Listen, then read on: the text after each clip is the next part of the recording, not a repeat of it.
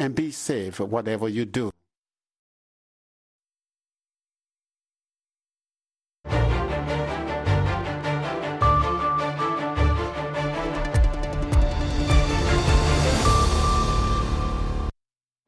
subax wanaagsan dhegeystayaal kuna soo dhowaada idaacadda subaxnimo ee laanta afka soomaaliga ee v o a oo idinkaga imaaneysa washington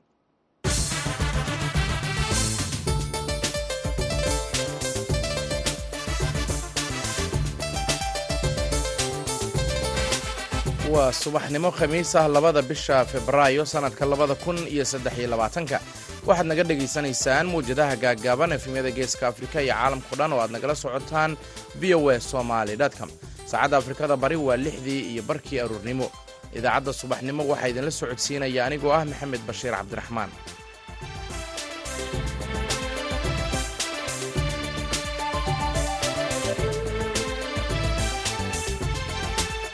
warbixinada aan saaka idiin haynana dhegaystayaal waxaa ka mid a falanqayn ku saabsan shirkii ka dhacay magaalada muqdisho ee ay ku kulmeen madaxda dalalka soomaaliya jibuuti ethioobiya iyo kenya iyo waxaa laga filan karo inuu ku soo kordhiyo dagaalka ka dhanka ah ururka al-shabaab ee ay waddo dowladda soomaaliya. Waxay dan weyn ugu jirtaa dowladaha deriska ah in ay soomaaliya ka caawiyaan sidii ay loo ilaalin lahaa in kooxahanet ay u gudbaan waddamada kale. Iyaga ayay dan ugu jirtaa aqalka wakiilada maraykanka oo maanta u codaynaya in xildhibaan ilhaan cumar laga reebo guddiga cusub ee arrimaha dibadda ee golahaasi iyo in kale. Waxaad kaloo maqli doontaan hoggaanka xeryaha dhadhaab oo ka hadlay biyola'aan laga soo sheegayo qaybo ka mida xeryahaasi qodobadaasi iyo kuwo kale ayaad dhegaysan doontaan balse intaasi oo dhan waxaa ka horraynaya warkii caalamka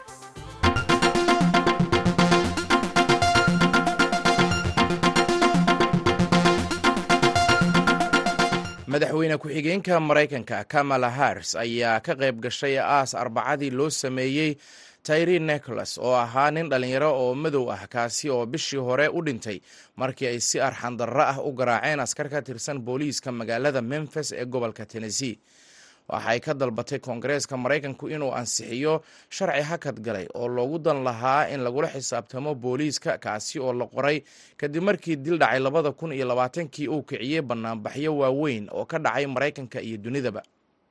Ka madaxweyne ku-xigeen ahaan waxa aan koongareeska ka dalbanaya inay ansixiyaan sharciga george floyd ee booliiska madaxweyne joe bidenna waa uu ansixin doonaa ayay tiri harris arbacadii ayay qoyska nicholas oo sagaal iyo labaatan jir ahaa waxa ay ku xuseen inuu ahaa aabe la jecel yahay sawirqaado fiican oo aan weligiis wax dhib ah geysan. Dadka madoobe ee maraykanka ayaa bulshada maraykanka waxay ka yihiin labaiyo toban boqolkiiba laakiin waa lix iyo labaatan dhibanayaasha ay booliisku dileen labada kun iyo labaiyo labaatankii sida ay warisay hay'adda la socota rabshadaha ay booliisku ku lug leeyihiin labaiyo toban dal oo afrikaan ah ayaa ku dhawaaqay qorshe ay ku doonayaan inay ku ciribtiraan cudurka aidiska ee ku dhaca carruurta marka la gaaro labada kun iyo soddonka iyagoo u maraya tijaabooyinka xanuunka h i v daawooyin iyo weliba barnaamijyo ka hortag ah.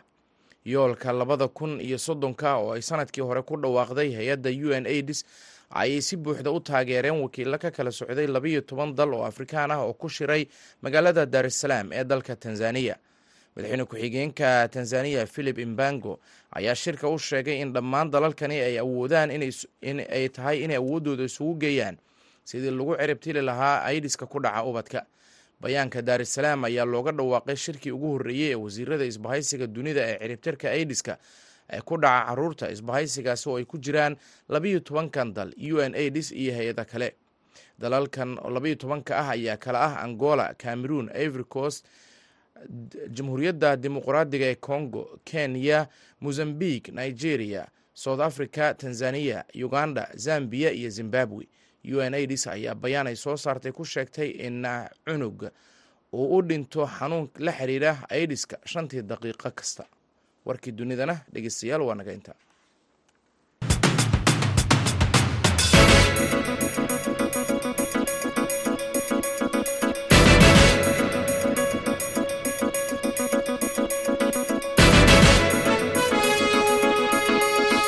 wanaagsan dhegeystayaal wararkaasi waxaad kala socotaan laanta afka soomaaliga ee v o a oo si toosa idinkaga imaaneysa washington.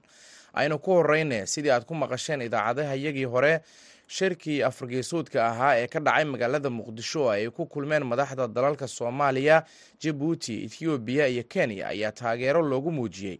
Howlgallada ka dhanka ah ururka al-shabaab ee ay waddo dowladda soomaaliya iyo sidii dalalkan gobolka ay isaga kaashan lahaayeen howlgallo wada jir ah oo laga sameeyo goobaha ay ku harsan yihiin kooxda al-shabaab. Haddaba maxaa keenay in xilligan ay madaxda gobolku u midoobaan la dagaalanka kooxda al-shabaab? Maxayse tallaabadani ku soo kordhin kartaa?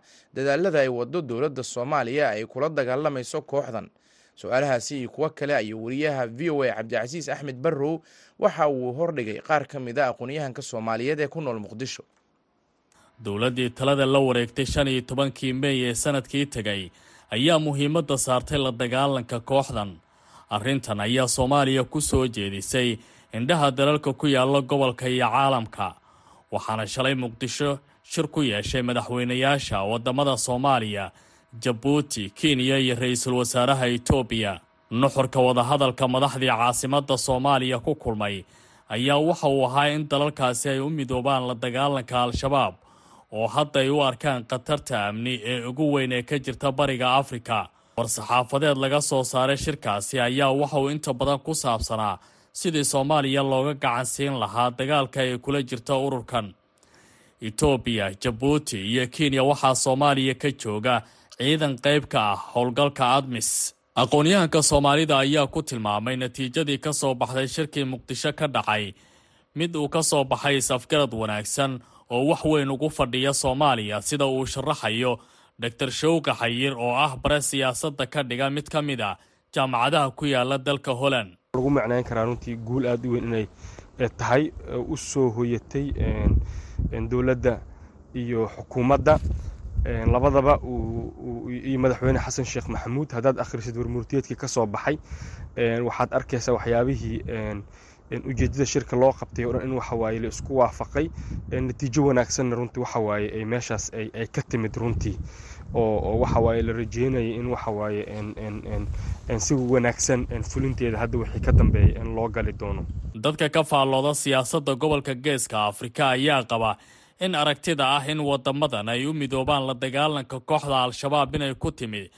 Markii dagaalyahanada ururkan ay weeraro ka geysteen gudaha waddamada kenya iyo etoobiya sidoo kalena dowladda soomaaliya ay la timid ka go-naashiyaha dagaal ka dhan ah ururkan sida uu sharaxaya axmed cabdi haadi oo ka faallooda amniga iyo siyaasadda. Saad la socoto dalalkooda cabsi badan ay al-shabaab ka qabaan oo etoobiya iyo kenya oo si maxaa gaar ah deris oo lahoo dagaalaha ka dhexdhaceen gudahooda al-shabaab ay qaadeen iyo jabuuti ayada nafteedana maaragtay marar ay weerareen.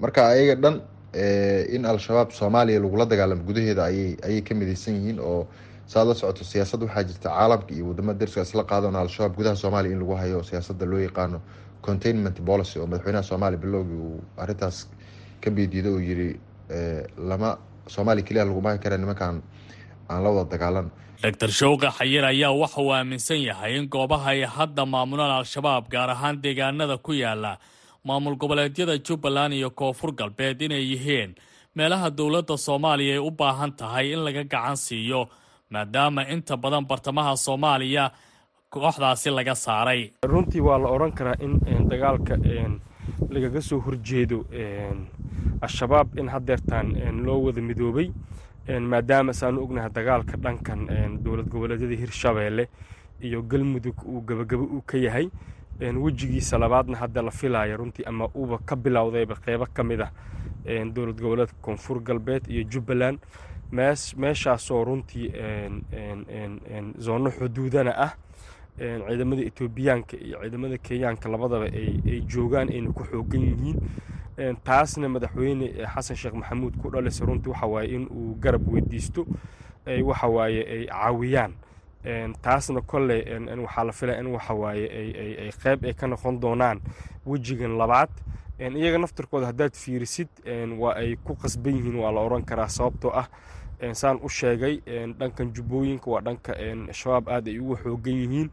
Saanu ognahana ilaa dhankaas gado xuduudka kenya xuduudka etoobiya dhankan koonfur galbeed sidoo kaleet waa uu ka jiraa marka iyaga naftarkoodu ay ku qasbeen in xuduudahooda ay adkaystaan ay xirtaan. Haddii qodobadii ka soo baxay shirkii shalay ka dhacay muqdisho la fuliyo waxay dad badan saadaalinayaan in isbeddel amni uu ka dhacayo soomaaliya. Laakiin wax kasta waxay ku xiran yihiin sida dowladda dhexe ula timaado siyaasad ku salaysan waxqabad horu socod leh.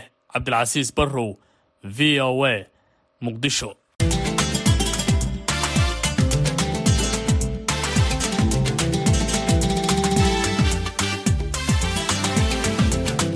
dalalka shirkan ka qayb galay ee kala ah ethoobiya jabuuti iyo kenya ayaa ah kuwo xuduudo la leh soomaaliya islamarkaasina ay ciidamo ka joogaan gudaha dalka. Sidoo kalena waxa ay dhibaato badan ka soo gaartaa weerarada al-shabaab. Haddaba muxuu noqon karaa doorka ay ka qaadanayaan la dagaalanka kooxda al-shabaab waddamada safka hore ama deriska la ah soomaaliya? Su'aashaasi iyo kuwo kale ayaa wariyaha v o a ee magaalada nairobi khadar maxamuud xareed waxuu hordhigay faarax isaaq oo ah aqoon-yahan bartay xiriirka caalamiga ah ee dowladaha iyo ammaanka. Haddaan dhin ka fiirino waxay dan weyn ugu jirtaa dowladaha deriska ah in ay soomaaliya ka caawiyaan sidii ay loo ilaalin lahaa in kooxahaneeta ay u gudbaan waddamada kale. Iyaga ayay dan ugu jirtaa warmartiyeedka waxaa ka mid ah qodobadiisa in komishono la sameeyo ka howlgala dhanka xaduudiyada ka soo saaro warbixino sidii layskala shaqeyn lahaa in xaduudiyada waddamada kenya ay la leedahay soomaaliya ethoobiya ay la leedahay dhanka jabuuti ay la leedahay dhammaantood inkastoo inta badan jabuuti dhibka uu ku yaryahay in laga yeesho hadaf midaysan sidii xuduudahaas loo ilaalin lahaa si aysan kooxahanet dhankaasna isugu soo aruursan dagaalka gudaha lagula jirona aysan u aadin dhanka iyo xuduudaha wadamadaasayta marka si qoto dheer haddii loo eego wadamadan inay ka caawiyaan soomaaliya inay iskala shaqeeyaan ayaga iyo soomaaliya in xuduudahaas la ilaaliyo iyaga ayaa dan weyn ugu jirta. Ma kuu muuqataa waxaa sidoo kale jirtay qorshe ah sidii ciidamada atmis ay oga bixi lahaayeen soomaaliya inkastoo weli qorshahaasi uu yahay mid bislaanaya oo aanan la isku raacin maxay kula tahay madaxda dowladaha deriska ah oo ciidamo ka joogaan soomaaliya go'aankaas sidee ayay ola qaadan karaan soomaaliya ama madaxda dowladda soomaaliya? Atmis sidaan horey u ogeynbo magacoodii hore amisom ahaa waxaa atmis loogu bedelay in laga dhigay dad baxayo heshiiska ee soomaaliya iyo wadamadanita deriska la-ah ama waddamada ciidamada ay ka joogaan soomaaliya ay wada galeen wuxuu qorayaa in askariga ugu dambeeya ee soomaaliya atmis ka mid ah inuu ka baxa soomaaliya december sidaan wada ogsoonnahay sidoo kale waxay ahayd qorshahaasayta inay bilaabato decembertii la soo dhaafay sanadii labada kun iyo labaatan iyo labada oo loo ballansanaa december ilaa june sanadkan labada kun labaatan iyo saddexda inay soomaaliya ka baxaan ciidamo dhan ilaa lix boqol oo askari inay ka baxaan soomaaliya. Dhanka soomaaliya codsi ka yimid daraaddeed ciidamadaasito weli bixitaankoodii ma uusan bilaabanin oo soomaaliya ayaa codsatay in muddo dheeraad ah la siiyo inay ciidamadaasito aysan bixin marka isjiidjiidka dhanka bixitaanka ciidamada ah weli waxaad u malaysaa in uu sii socon doono. Timelineka la qabsaday ama waqtiga la qabsaday ay adkaan doonto inay ciidamadaasayta ay ku baxaan. Sababtoo ah waxyaabaha qasabka in la helo oo heshiiskaas uu qoraya waxaa ka mid ah in soomaaliya ay ciidan la wareega amniga ee hesho. Ciidankaas oo lagu tilmaamay inuu ugu yaraan gaaro labaatan iyo saddex kun ilaa labaatan iyo shan kun oo askari soomaaliya waxaa lagu qiyaasaa ciidamadeeda hadeerta inay soddon kun oo askari yihiin ciidamada soomaaliya u qoran balse ciidamadaas intooda badan waxay u badan yihiin ciidamo howlgab ah ciidamo dhintay oo qaarkood ay iska qoran yihiin listiga iskaga jiraan oo eheladoodii ama dadkoodii ay meesha ku qoran yihiin. Ciidamo aan howlgal ahayn oo aanan ciidanka maaragtay activeka aho oo battlefieldka jooga inta badan aysan u badnayn. Marka ciidamada activeka ee soomaaliya aad bay u yaryihiin sidoo kale tababarada ciidamada ee soomaaliya inuu kordho oo ciidamada soomaaliya activeka ay soo saaraysa dagaalami kara inuu dagaalami kara inay bataan. Heshiisyadaasayto dhammaantood marka aad fiiriso marka si loo buuxiyo way iska adag tahay waktiga ciidan dagaal ku jiro in haddana la tababaro uu bato la gaarsiiyo numberkaasayta way iska adkaan doontaa balse qorshe wanaagsan ayay dowladda soomaaliya iyo iyo guud ahaan waddamada soomaaliya ciidamada ka joogaan bay ka leeyihiin inay baxaan ciidamada atmis.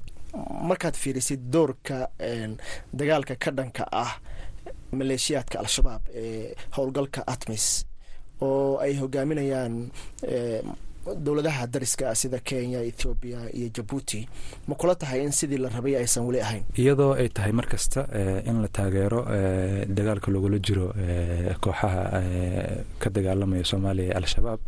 Haddana markaad fiiriso qaabka dagaalka loo gelayo mararka qaar ina dad shacab ah oo ama maleeshiyaad ah hub ay qaadanayaan dagaalkii ay qeyb ka gelayaan waxaa weeyaan dhibkeeday leedahay.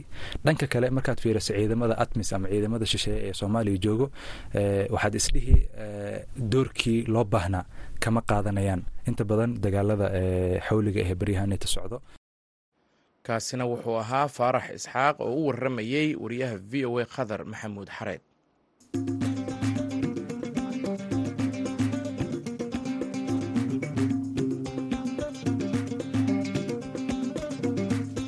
dhegeystayaal v o a washington ayaad nagala socotaan subax wanaagsan mar kale. Aqalka wakiilada maraykanka ee ay jamhuuriyiintu ku badan yihiin ayaa isku diyaarinaya in uu ilhaan cumar oo ah xildhibaan dimuqraadi ah oo laga soo doorto gobolka minnesota inuu ka xayoobiyo xubinnimada guddi hoosaadka arrimaha dibadda ee aqalka wakiilada. Hogaanka jamhuuriyiinta ee koongareeska ayaa sheegay in sababta tallaabadan ay u qaadayaan ay tahay hadallo ay horay u jeedisay oo ka dhan ahaa israa'el ilhaan ayaa horay raaligelin uga bixisay hadalladaasi oo loo arkayey inay xambaarsan yihiin yuhuud nacayb codayntan kama dambaysta ah ee xubnaha labada xisbi ay ka dhiibanayaan in ilhaan cumar laga saaro guddiga arrimaha dibadda ayaa lagu wadaa in la qabto xilli dambe oo maanta oo khamiis ah. Haddaba waxaa laga filan karo codayntaasi iyo waxa ay ilhaan uga dhigan tahay haddii jamhuuriyiintu ay ku guulaystaan inay ka saaraan ka mid ahaanshaheeda guddiga hoosaadka arrimaha dibadda ayaan ka waraystay xaashi shaafi oo ah kana faallooda siyaasadda maraykanka ahna madaxa somali action alliance. Runtii waxaad og tahay ama waxaa wada ognahay ilhaan cumar. Waa gabar runtii halyey ah oo markay noqoto geesyad ah markay noqoto inay u hadasho dadka lagu dulmiya caalamka darfihiisa kala duwan maadaama ay ku jirto committeegan ama golaha arrimaha dibadda ee congresska waxay awood u leedahay inay question ama ay su'aalla weydiiso xadgudubyada caalamka ee maraykanka ka geystaan. Waxay xaq u leedahay dowladaha caalamka ee saaxiibka aan la nahay maraykan saaxiibka leeyahay haddii xadgudubyo sameeyaan oo human rights xadgudubyo ah inay lala xisaabtami karo waana gabadhii ugu horreysa oo muslima oo immigrant ah oo afrikaana oo weli qaxooti ahayd labaiyo toban dhowr iyo toban sano koontiisa noqonay congresska ka timid naxare qaxooti jegada ilaa heerkan la eg awoodda intaa la eg runtii dad badan baanan ogolayn inay awoodda nooca ay lahaato waxay toos ku ifisay waxaanan toos lagu ifin karin ama aan lagu ifin jirin xaashiyow guddoomiyaha ama afhayeenka aqalka wakiilada iyo xubnaha kale ee jamhuuriyiinta qaarkood oo hadlay waxa ay leeyihiin. Ilhaan cumar horay hadallo waxay u jeedisay xanaf leh oo loo arkayey inay yihiin kuwo yuhuud nacayb ah. Marka arrimahaasi oo kale soo haddii ay jiraan ma mudna ama kuma mutaysan karto in la ciqaabo oo lagu soo rogo tallaabada caynkan oo kale ah runtii wax oo ilna haba yaraatee dhibaataa may laha in ay la xisaabtan iyo waxyaabaha ay samaynayso dowladdaas ama ha noqoto israa'iil ama dowlad kale ha noqoto dowladaha saaxiibka la nahay xadgudubyada ay ku samaynayaan shacabyowga sida falastiin oo kale inay ka hadasho xaq bay u leedahay ciqaabiba in lagu ciqaabana xaq uma laha waayo laakiin waxaa keenaya in lagu ciqaabo waxay taabatay waxaan la taaban ama aan la taaban jirin ama la islahayn waa la taaban karaa ama waa laga hadli karaa. Runtii marka ilhaan waxaa lagula dagaashanyahay oo keliya waxaad taabanaysaa bointiyo dad kalaanad u furaysa haddaad fiiriso hadda. Idaacadaha waaweyn sida macnaha washington post ama new york times waxyaaba badanoo waxaa jira ay ku raacsan yihiin ilhaan ay leeyihiin waxay noqoto cod aanan hore u jirin oo loo baahan yahay.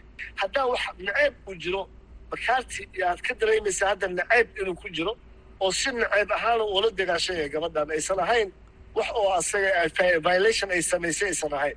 Waxaa tusaale ah hadda waxay soo saartay macnaha hadda ay waday ay gacanta ku haysay in tacaamulka dowladaha afrika ku yaalla ama africa tacaamulka maraykanka uu la leeyahay ay ku beesgaraysan cabsida. Oo ama cabsida laga qabo africa unbaa badanaa waxaa la sameeyaa sideen ku xanibnaa ama maxaan ku xanibi karnaa cabsiyooyinkooda unbaa lagula dhaqmaa. Ayada waxay leedahay war aan u saarno commitee maxaan ku dhahaa gurubis kala duwan aan u xil saarno howshan africa arrimaheeda ah. Africana aan oola xisaabtano dad nala midoo kale iyo dowlado nala midoo kale. Inaan u fiirin keliya inay yihiin dad macnaa marka waxyaabaha runtii ay ka hadashaan waxay yihiin waxyaaba aan hore looga hadli jirin. Waa tahay. Xaashiyow xaashiyow marka haddiiba ay maanta codaynta dhacaysa ay jamhuuriyiintu ku guulaystaan doonistooda ah in ilhaan ay ka saaraan guddiga arrimaha dibadda oo mooshinkaasi uu meel maro maxay uga dhigan tahay ilhaan? Maxayse uga dhigan tahay dadka ay matasho ee soo doortay? Runtii waxa weye horta waa waa maalin runtii waxay noqon doontaa maalin mugdi ah. Maanta haddii ay robikaanka ay taa sameeyaan waayo wuxuu ahaa iftiinka keliya ee u soo baxay dad yowga ka yimaada afrika oo ahayd gabadhii ugu horreysa oo afrikaana oo africa ka timid oo gasho congresska maraykanka. Waxay ahayd gabadhii ugu horreysa oo muslimada oo codka muslimka maanta keliya ugu xooga weyn oo ugu horreysa oo meesha gasha. Waxay ahayd haddana qof vocal ah oo dadka aad u hadloo la gaban hadalka meeshuu yahayna dhiga aanan cabsan. Marka waxay ila tahay culayso badan bay ku inoo tahay bulsho ahaan tusaale ahaan hadda soomaaliya markay noqoto oo kale ayadoo foreign committeega maadaama ay ku jirtay waxay ayaan dhaweyd ay garab iyo difaac badan u noqotay soomaaliya markay markay ay ahayd arrinta deen cafiska deen cafiska la sameynaya maadaama ay ku jirto committeega arrimaha dibadda congresska waxay u leedahay awood inay ka hadasho waxyaabahaas oo kale oo weliba ay garab naga siiso. Marka waxaan rabaa keliya aan ku waaninayaa dadka soomaalida maraykanka degan hadda haddaad telefoonna qaadataan oo maanta maalinka codka uu socdo nimanka rababikaanka xaad magaalooyinkiina laga soo doorto aada wacdaan telefoonkooda aad buuxisaan aad dareensiisaan waxa ay sameynayaan inay tahay midib kala sooc naceeb iyo naceeb obin aan qarsoodi lahayn. Waxaan filayaa qaarkood inay dareenkoodu uu wanaagsanaan lahaa. Bliis qof kastoo meel kasta uu joogo telefonkaada qaado congresskaada wac. Ninka haddaan waxaan ka hadlayaa kuwa magaalooyinkiina laga doorto rababikaanka ah una caddeeya intaa wacdaan howska in aad ka xuntihiin waxa socdo loona baahan yahay codkiis codkaas inay ka noqdaan inay u codeeyaan sida khaldanaya xadgudubka ee gabadheena looga saarayo kubatiga arrimaha dibadda. Kaasina wuxuu ahaa xaashi shaafi oo ah madaxa somaali action alliance oo khadka telefoonka iigu warramayey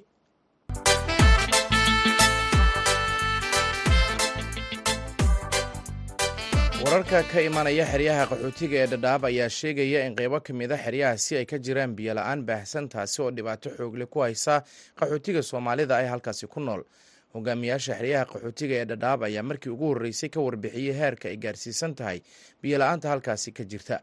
Wariyaha v o a cabdisalaam salas ayaa warbixintan soo diray qaar ka mid a maamulka xeryaha qaxootiga ayaan wax ka weydiinay heerka ay gaarsiisan tahay. Biyola-aanta ka jirta xeryaha qaxootiga.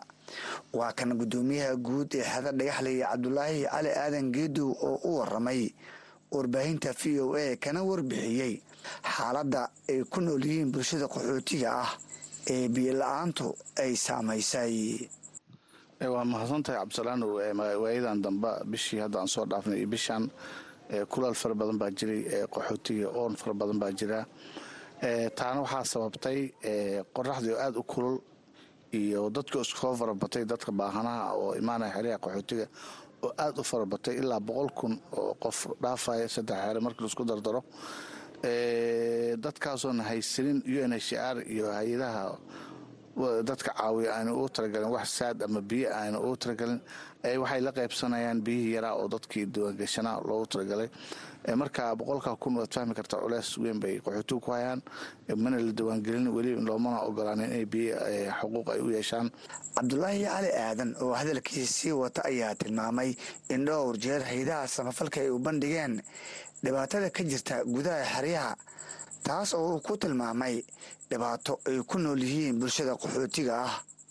Wax badan baan ka hadalnay biyola-aantan meel waxaad arkaysaa sagshimada qaar biyahooda laba maalin aan soo dhacaynin qaar waxaad arkaysaa hal saac intii la soo siiday kadib haddana la jarayo marka wareer fara badan baa jira waan la qaybsanay arrintaas hay'ada ay qusayso iyo nshaar kudhi waan la qaybsanay.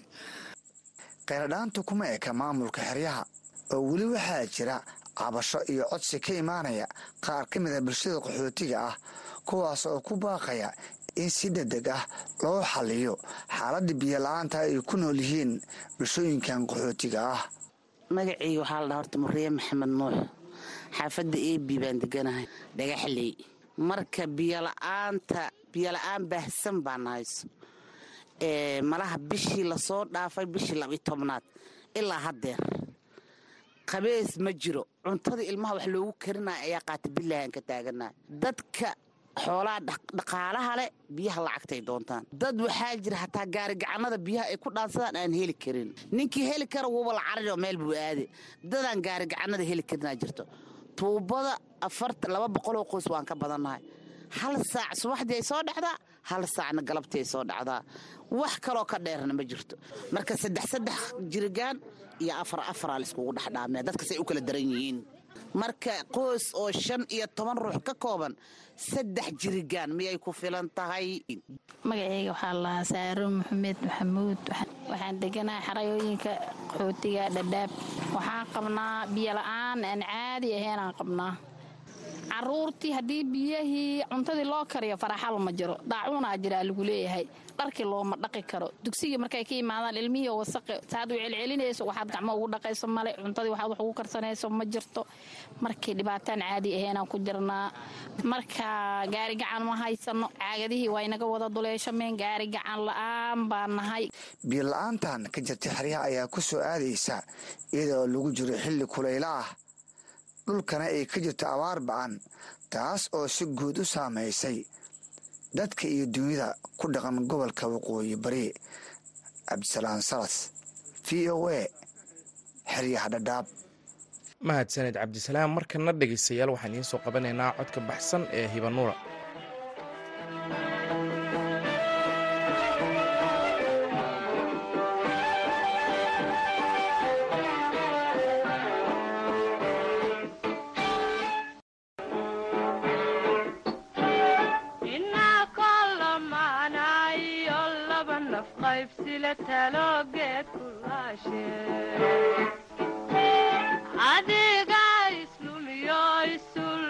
isuloogay cadowgo libintaadi siiye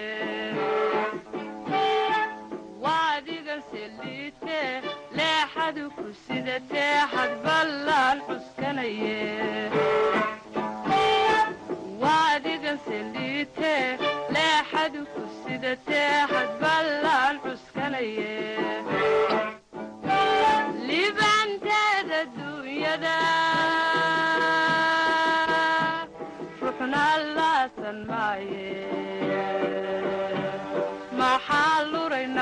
Hadi.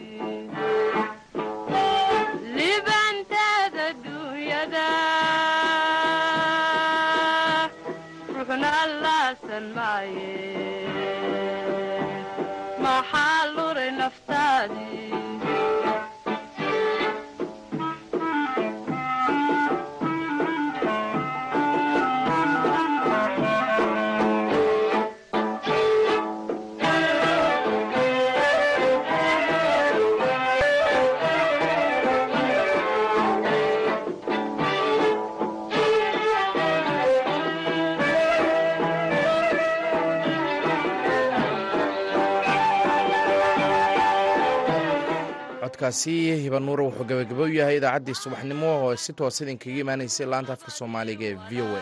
Tan iyo kulanti dambena waxaan idin leenahay nabadgelyo.